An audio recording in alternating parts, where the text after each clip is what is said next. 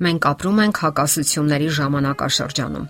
Եկեղեցում մուտքն ազատ է եւ անվճար։ Այնտեղ հսկիչներ չկան։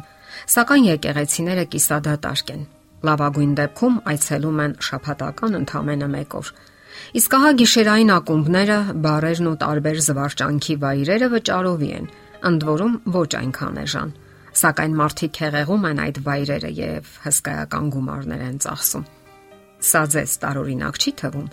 գումարներ վճարել հավերժական կյանքից զրկվելու համար։ Հետո մարդիկ սիրում են ասել, թե իրենք քրիստոնյա են եւ ունեն հազարամյակների քրիստոնեական պատմություն։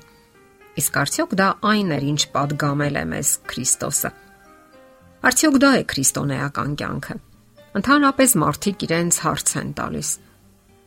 Ինչ օգուտ Հիսուսին հետևելուց եւ եկեղեցի հաճախելուց, եթե միևնույնն է, վաղ թե ուշ մահանալու ենք։ Ինչ առավելություն ունենք մենք, հարցնում են նրանք։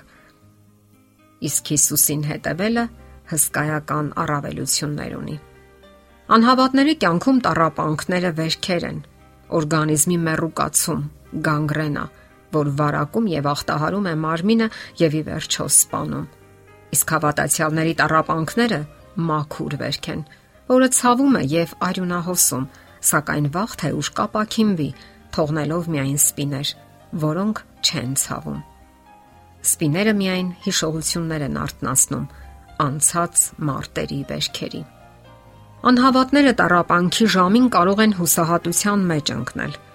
Առանց Աստծո կյանքը խավար թունել է, որը ավարտ եւ լույս չունի։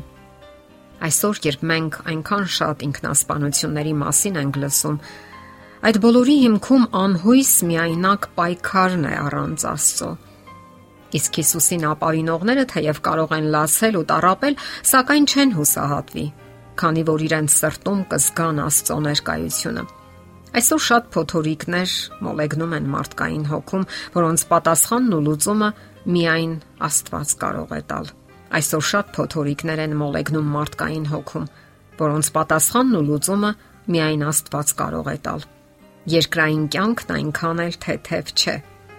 Ոչ մի մարդ չի կարող հասկանալ մյուսին։ Իսկ Աստծո մոտ կան բոլոր հարցերի պատասխանները։ Նա անվանապես գիտի յուրաքանչյուր մարդու։ Նա տիեզերական արատ չի համարում մեզ, որովհետև ինքն է կյանք ապարգևել մեզ։ Մեր ճակատագիրը հուզում է նրան։ Եվ սա ամենամեծ եւ բարի լուրն է։ Աստված գիտի մեզանից յուրաքանչյուրին Դուք կարող եք նրան հանձնել ձեր կյանքը եւ անվախ առաջ ընթանալ։ Ընթունել նրան ձեր սրտում եւ նրան հանձնել ձեր ողջ կամքը։ Աստված անմեղադրելի Աստված է։ Նա պատասխանատու չէ երկրային տարապանքների համար։ Ընթակառակը նա իր վրա է վերցրել մեզ մեղքից փրկելու եւ հավերժական կյանք ապարգևելու պատասխանատվությունը։ Արդյոք լսելով այդ մասին հենց այսօր կընդունեք նրան եւ կքայլեք նրա հետ ձեր ողջ հետագա կյանքը։ Ահա այստեղ է ձեր ամենամեծ պատասխանատվությունը։ Նշանավոր գրող Թեոդոր Դրայզերը իր ստեղծագործություններից մեկում այսպիսի տողեր է գրում. Ամենաբարձրյալի մոտ որոնիր ապաստան քեզ համար։ Նրա բարօրությամբ դու ձեռք կբերես հոգեկան հանգիստ եւ քեզ չի դիպչի ոչ մի փոփոխություն։ Ինչ է տալիս մեզ Աստված, երբ հաճախում ենք եկեղեցի։ Նա փոխում է մարդու աշխարհը եւ հավատքի ու պատկերացումների մի նոր աշխարհ է տեղափոխում նրան։ Քրիստոնեությունը մշակույթ չէ եւ ոչ էլ ավանդություն։ Այն Աստծո կանչն է, ուղված երկրի վրա երբևէ ապրած յուրաքանչյուր մարդու։ Երբ մենք ընդունում ենք այդ կանչը եւ քայլում դրան համապատասխան, քրիստոնեության մեջ ենք եւ այլևս նոր Տեր ունենք։ Այդ Տերը սկսում է ապրել մեր սրտերում։ Նա նստում է մեր կյանքի գահին, դառնում է մեր կյանքի թակավորը։ Դրանից հետո նրա կամքը դառնում է մեզ համար հիմնական եւ անբեկանելի։ Մեր սիրտը լցվում է սիրով մարդկանց եւ Աստծո հանդեպ։ Հետո մենք հասկանում ենք, որ կրոնը արգելքների մի երկար շարան չէ։ Աստված մեզ լիառատ կյանք է խոստացել։ Մենք կարող ենք վստահել նրան, հավատքի աչքերով տեսնել նրան, ով ստեղծել է այդ բարդ օրգանը, աչքը եւ գունագեղ աշխարը։ Նրա համար սահմանափակումներ չկան։ Նա լուսավորում է մեր կյանքի բոլոր մութ անկյունները։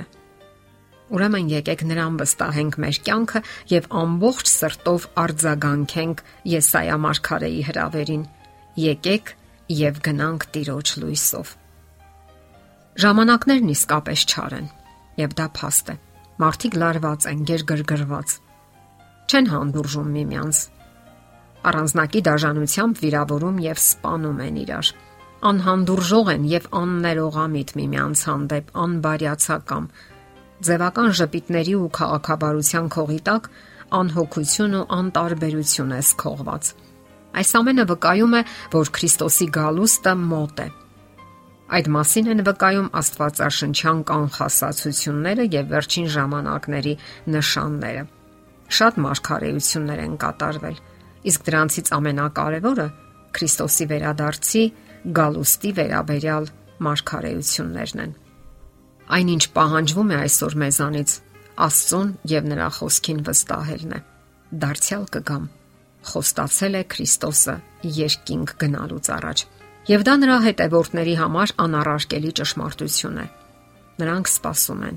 Այդ երանելի հույսը ապրելու ուժ եւ մխիթարություն է մեր անբարեհույս ժամանակներում։ Նա գալու է, որpիսի վերջ դնի մեղքին ու տարապանքներին, որpիսի հիմնի իր հավերժական թակավորությունը, արդարության ու բարության, ուրախության ու երջանկության հավերժական թակավորությունը։ Եվ մենք կարող ենք լինել այդ թակավորության բնակիչներից մեկը եթե վստահենք նրա խոսքերին եւ ցանկանանք դրանց իրականացումը։ Եթե սпасենք նրան, որովհետեւ գիտենք, որ նա դարձյալ վերադառնալու է։ Մենք պետք է կյանքով ապացուցենք, որ արժանի ենք ապրելու նրա հետ այն հավերժական թակավորության մեջ, որ նա խոստացել է պատրաստել մեզ համար։ Իսկ դա կարող է իրականություն դառնալ, եթե վստահենք նրան։ Եկեք ուրեմն վստահենք։ Եթերում ղողանջ հավերժության հաղորդաշարն է։ Ձեզ հետ է Գեղեցիկ Մարտիրոսյանը։ Հարցերի եւ առաջարկությունների համար զանգահարել 033 87 87 87 հեռախոսահամարով։